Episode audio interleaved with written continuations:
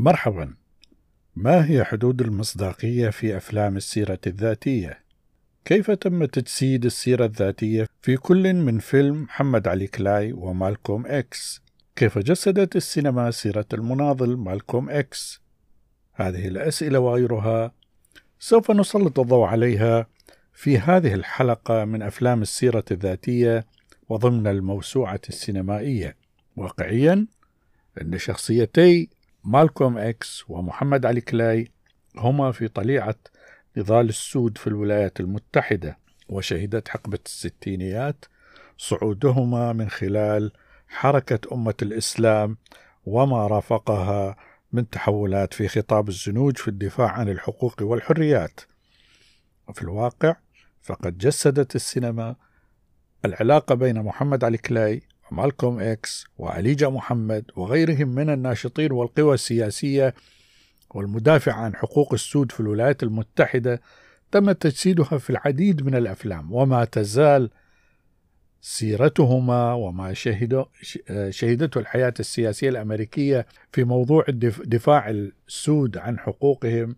ما تزال موضوعة حاضرة في السينما الأمريكية ولهذا فإننا بصدد أحدث الأفلام التي عالجت هذه الإشكالية الكبيرة وهي في الواقع تجمع ما بين السيرة الذاتية وما بين القصص والموضوعات الاجتماعية المرتبطة بالحياة الأمريكية في حقبة من الحقب فضلا عن الخطاب الذي تحمله مثل هذه الأفلام. خطاب العنصرية ومكافحة العنصرية خطاب البيض وفي مقابل السود أو أو الذين هم من أصول أفريقية. هذه الثنائيات في الواقع سوف تتفاعل بقوة في الحياة الأمريكية وما تزال آثارها قائمة إلى اليوم. ولهذا لا تستطيع السينما حتى الساعة أن تبتعد من عن هذه الموضوعات ولا أن تتجاهل قوى الصراع الفاعلة في الحياة الأمريكية.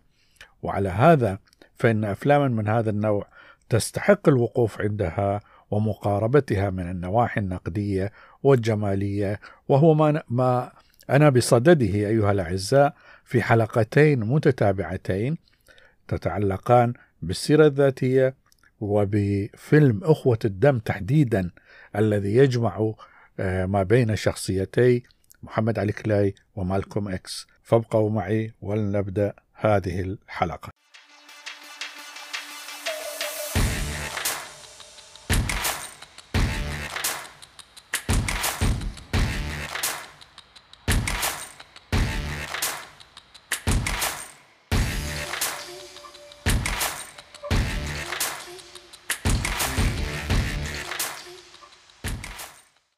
أهلا بكم. في السؤال عن السيرة الذاتية سواء كانت وثائقية أو روائية تبدو المهمة التي يطلع بها السينمائي شائكة ومركبة لا سيما وأنه مطالب بأكبر مساحة من المصداقية. شرط المصداقية في عرض الوقائع وفي عرض الأحداث هو شرط أساسي في هذا النوع من الأفلام. في وقت تحتم الاشتراطات الفنية والدرامية كثير جدا من الاختزالات الزمانية والمكانية واندماج مراحل زمنية والقفز على الزمن مونتاجيا فضلا عن أبرز المراحل الأكثر درامية في حياة الشخصية. معنى ذلك أن واحدة من التحديات التي تواجه كاتب السيناريو لأفلام السيرة الذاتية وحتى المخرج في أفلام السيرة الذاتية أنه أمام سلسلة من الوقائع الحقيقية المؤرخة والمواقف المؤرخة والتحولات في حياة الشخصيات ومطالب كاتب السيناريو والمخرج بأن يتوقف عندها ليس منطقيا ولا واقعيا أن يتم عرض كافة تفاصيل حياة الشخصية وبهذا سوف نحتاج إلى فيلم طوله عشرات الساعات إذا ما الذي يفعله كاتب السيناريو؟ ماذا يختصر؟ وعلى ماذا يسلط الضوء؟ وعلى ماذا يركز؟ وماذا يحذف وماذا يتجاهل. هذه الأسئلة الإشكالية في الواقع. هي أسئلة بمثابة تحديات أمام المخرج وكاتب السيناريو على السواء وهو الذي نحن بصدده في التعمق فيه تباعا من خلال هذه الحلقة ومن خلال حلقات أخرى فضلا عن ورشة سينمائية ربما سننظمها قريبا ابتداء من الأول من حزيران يونيو إن شاء الله. وتتعلق بعملية الإعداد والاقتباس وسنمر على موضوع السيرة الذاتية لمن يرغبون في الانضمام إلى تلك الورشة والتي سوف تأتي تفاصيلها سوف ننشرها في آه، صفحة الموسوعة السينمائية على فيسبوك. إذا لنعود إلى موضوعنا. درجت سينما السيرة الذاتية على إيجاد نوع من الموازنة الموضوعية ما بين المتطلبات الدرامية من جهة وبين الوفاء لمصداقية ما يتم تقديمه على الشاشة من جهة أخرى. إنه ليس فبركة للأحداث والحقائق. وبذلك إذا كانت فبركة للأحداث والحقائق فسوف يفتقد فيلم السيرة الذاتية المصداقية. من هنا تبدأ مهارة السينمائي في إيجاد معطيات جمالية وموضوعية تقنع المشاهد بمصداقية السيرة الذاتية التي يشاهدها. طبعا نحن شاهدنا أفلام سيرة ذاتية كثيرة حتى على صعيد العالم العربي ومنها مثلا الناصر صلاح الدين ناصر جمال سيرة جمال عبد الناصر سيرة السادات وسير شخصيات كثيرة جدا في الواقع. كان السؤال هو هل فعلا ألم المخرج وكاتب السيناريو وتمتع بالمصداقية في عرض الأحداث وهو الذي نحن بصدده الآن في هذا في هذه المداخلة وفي هذا الموضوع. ففي مناقشة سابقة لظاهرة العلاقة بين شخصيتين ذكرتهما قبل قليل وهما محمد علي كلاي وبين مالكوم إكس والتي تجلت من خلال فيلم أخوة الدم. توصلنا إلى مجموعة من الحقائق والمعطيات التي ترتبط بحقبة متفجرة في تاريخ الانتفاضات من أجل الحريات المدنية والتصدي للتمييز العنصري في الولايات المتحدة. لكن الأمر يتعلق بكلتا هاتين الشخصيتين وهل أنصفهما التاريخ في تصوير شكل العلاقة فيما بينهما ابتداء من الصداقة الحقيقية والشعور بالأخوة المتبادلة وانتهاء بمواقف عدائية وتبرؤ واحدهما أحدهما من الآخر؟ هذا الواقع هذا الموضوع هذه هاتين الشخصيتين الأكثر أهمية. كانت تربطهما علاقة وثيقة ولهذا ربما كانت تسمية الفيلم بأخوة الدم كانت الرابطة العميقة التي تربط مالكوم إكس ومحمد علي.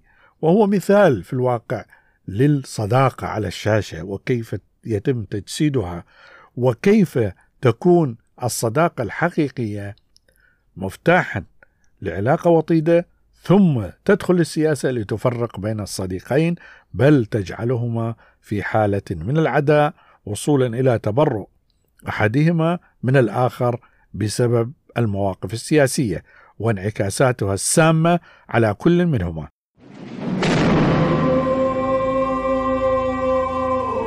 What's your name? Malcolm Little. No.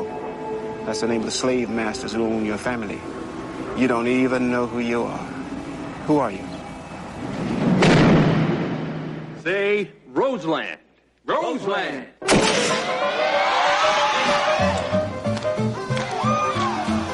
He was a pusher, a hustler, a thief. You ready to tackle the streets? Yeah, I'm ready. Let him come.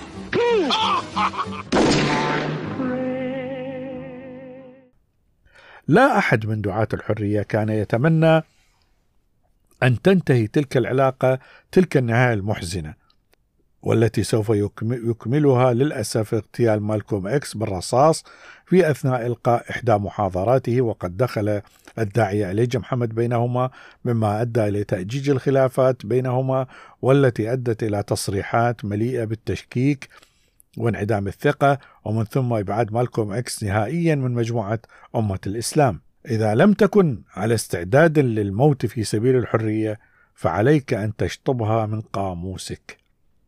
تلك هي كلمات مالكوم إكس وهو يدفع باتجاه الدفاع عن الحريات المدنية وكانت السيرة الذاتية في هذا الفيلم وغيره من الأفلام التي تناولت حياة مالكوم إكس ومنها الدور الذي أداه دينزل واشنطن في الفيلم الذي حمل ذات العنوان للمخرج سبايك لي. وأنا أشير وأؤكد على هذا الفيلم. فيلم آه، مالكوم إكس للمخرج سبايك لي والذي أدى الشخصية الرئيسية أدى دور شخصية آه، مالكوم إكس الممثل الكبير دينزل واشنطن ابحثوا عنه ربما تعثروا عليه آه، في الإنترنت. فهذا فيلم مهم يستحق المشاهدة. كانت مطالبة بشكل ما وفي إطار الموازنة بين الصورة السينمائية وبين المصداقية الكشف عن مسيرة مالكوم إكس وحياته الشخصية قبيل تحوله إلى داعية للتحرر والدفاع عن الحريات الشخصية. فتلك حياة مضطربة دخل بسببها مالكوم إكس إلى مراكز الشرطة وكان في الواقع لديه سلوك شائن دون شك قائم على السطو والتجار بالمخدرات في مراحله الأولى قبل أن يتحول إلى الاستقامة ودخول الإسلام والدفاع عن الحريات المدنية. بالطبع هنالك الدوافع والأسباب التي دفعت مالكوم إكس ليتجه ذلك الاتجاه الإشكالي في مقتبل حياته لا سيما وهو يواجه العنصرية ضد السود طافحة وكثيفة وحتى وهو المتفوق دراسيا فإن ذلك ليس كافيا لإثبات الذات ولأنه ملون البشرة فإن التفوق الدراسي لم يكن كافيا بالنسبة له. هنالك بالطبع ما يقرب من عشرة أفلام ما بين وثائقي ودرامي تلك التي تناولت سيرة وحياة مالكوم إكس كل بطريقة وأسلوب ومعالجة مختلفة. الحماس الزائد والإعجاب بتلك الشخصية الاستثنائية المفوهة وإيقونة الحقوق المدنية دفع إلى مزيد من إظهار حسنات هذه الشخصية وإنجازاتها بينما لم تغفل أفلاما أخرى هفوات مالكوم إكس ومشكلاته مع دعاة آخرين للحريات المدنية وذلك في إطار سجالات لا تعدو أن تكون خلافات في الرأي لكنها ما لبثت أن تطورت إلى شكل من أشكال الصراع الخفي الذي انتهى بمشهد اغتيال مالكوم إكس فيما هو يلقي محاضرة تلهب حماس جمهوره كالعادة وإذا به يسقط بين أيديهم غارقا في دمائه وفي ذلك وجهات نظر متعددة لسيرة ذاتية واحدة من هو مالكوم إكس؟ He was a prisoner who set himself free. A Muslim must be strikingly upright. I will not touch the white man's drugs, his liquor, his women. So that those in the darkness can see the power of the light. I will not lie, cheat, or steal. I believe you will remain faithful. Yes. He was a follower who became a leader. ولد مالكوم إكس في 19 مايو آيار سنة 1925 بمدينة أوماها بولاية نبراسكا الأمريكية بين ثمانية أخوة من أب قس في أسرة تعتز بجذورها وانتمائها الأفريقي. اضطرت العائلة إلى تغيير مكان إقامتها أكثر من مرة لتجنب ضغوطات وتهديدات العنصريين البيض لوالده القس إيرل ليتل.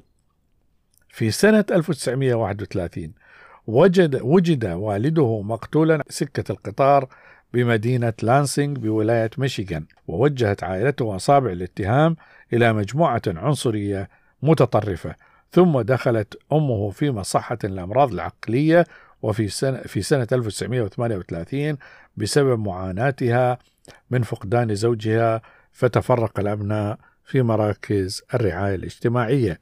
إذا أيها الأعزاء لاحظوا معي هذه الحياة المضطربة هذه الحياة القاسية المريرة الصعبة التي عاشها مالكوم إكس. الأب يقتل على أيدي العنصريين الأم تدخل في مصحة الأبناء يتبعثرون في المراكز الاجتماعية ولهذا لا نستغرب مثلا أن مالكوم إكس في تلك الحقبة اندفع نحو حياة طائشة ومبعثرة تعاطي المخدرات السطو إلى آخره دخل على أثر السجن. هذا ال... الذي تحول إلى قائد جماهيري عملاق ما زالت الذاكرة الأمريكية تحتفظ بدوره ومكانته العظيمة ثم مقتله على يد متطرفين أيضا طلع مالكوم إكس في الواقع لدراسة القانون لكنه ترك المدرسة في المرحلة الثانوية التحضيرية احتجاجا لماذا؟ احتجاجا على أستاذ أبيض قال إن دراسه قال له إن دراسة القانون هدف غير واقعي بالنسبة لواحد زنجي مثله. إن دراسة القانون هدف غير واقعي بالنسبة لشخص زنجي مثلك. عوض الانقطاع عن التعلم في المدرسة بالتثقيف الذاتي استمر في مطالعة كثيفة وقراءة كتب أثناء وجوده بالسجن وقد تجاوز عمره العشرين. ترك المدرسة وهو حانق على البيض رافضا الواقع الاجتماعي الذي اعتبره عنصريا بالمطلق وظالما. ورحل بعد ذلك إلى بوسطن ولاية ماساتشوستس وانغمس في اللهو والمجون ولعب القمار وترويج المخدرات ثم دخل السجن سنة 1946 بتهمة السرقة والسطو المسلح. كان السجن محطة بارزة في حياة مالكوم إكس وفي مساره كله. فخلال السنوات السبع التي بدأ رحلة التثقيف الذاتي مستفيدا من مكتبة السجن بتأثير من سجين أسود يدعى جون بيمبري انكب على مطالعة الكتب الأدبية والقانونية والتاريخية وتعرف من خلالها على أدبيات منظمة أمة الإسلام إثر مراسلات مع إخوته. فاجتذبته تعاليم إلايجا محمد وأطروحاته في نقد تهميش المجتمع الأبيض لمجموعة السود وعدم تمكينهم سياسيا واجتماعيا واقتصاديا. مرحلة أخرى في حياة مالكوم إكس أنه خرج من السجن سنة 1952 وأصبح عضوا مكرسا في المنظمة في منظمة أمة الإسلام واتخذ لقب إكس اسما عائليا بدلا من لقب ليتل الذي اعتبره اسما دالا على العبودية. في سنة 1953 تم تعيينه متحدثا رسميا باسم المنظمة وشغل منصب المفوض في معابد بوسطن وفيلادلفيا ونيويورك وقام بتأسيس معابد جديدة المنظمة في ديترويت ونيويورك وأطلق في العام 1957 صحيفة باسم ألي جاي محمد يتكلم لتكون هي صوت للمنظمة.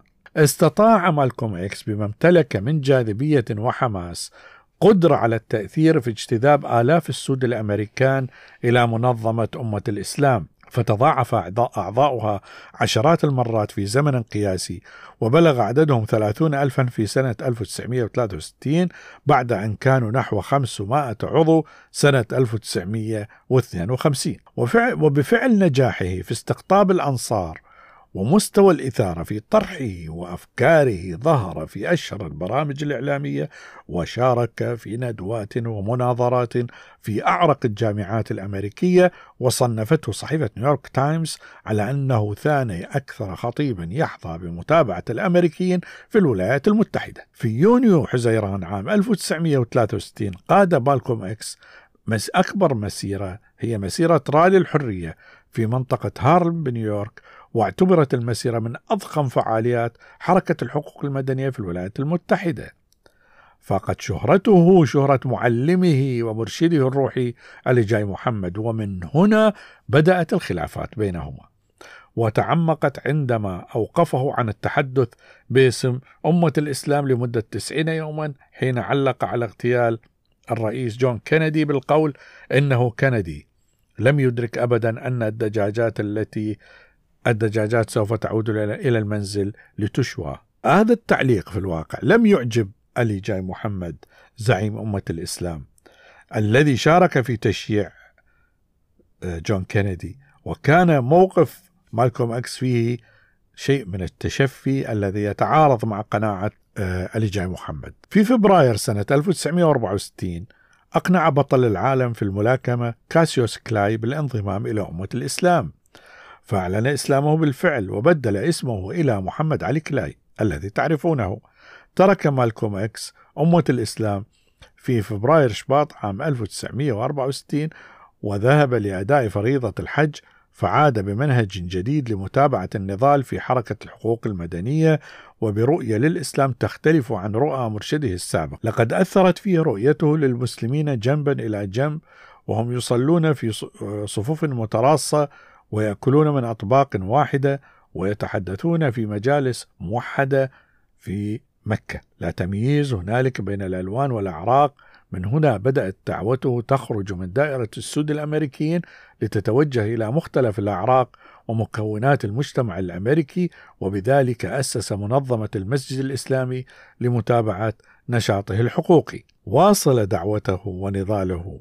فأسس منظمة الوحدة الأفرو أمريكية في محاولة لربط نضال السود الأمريكيين بنضال الأمم الأفريقية التي كانت تناضل من أجل التحرر الوطني. خلال السنتين الأخيرتين من عمره انكب على كتابة سيرته الذاتية مع الكاتب أليكس هايلي التي نشرت بعد مقتله بقليل تحت عنوان مالكوم إكس السيرة الذاتية لمالكوم. اغتيل مالكوم إكس في 21 فبراير شباط عام 1965 من قبل ثلاثة مسلحين مأجورين بتواطؤ مع السلطات الأمريكية أطلقوا عليه النار في منطقة هارلم بنيويورك ودفن في مقبرة فيرنكليف في منطقة هارتسديل بنيويورك.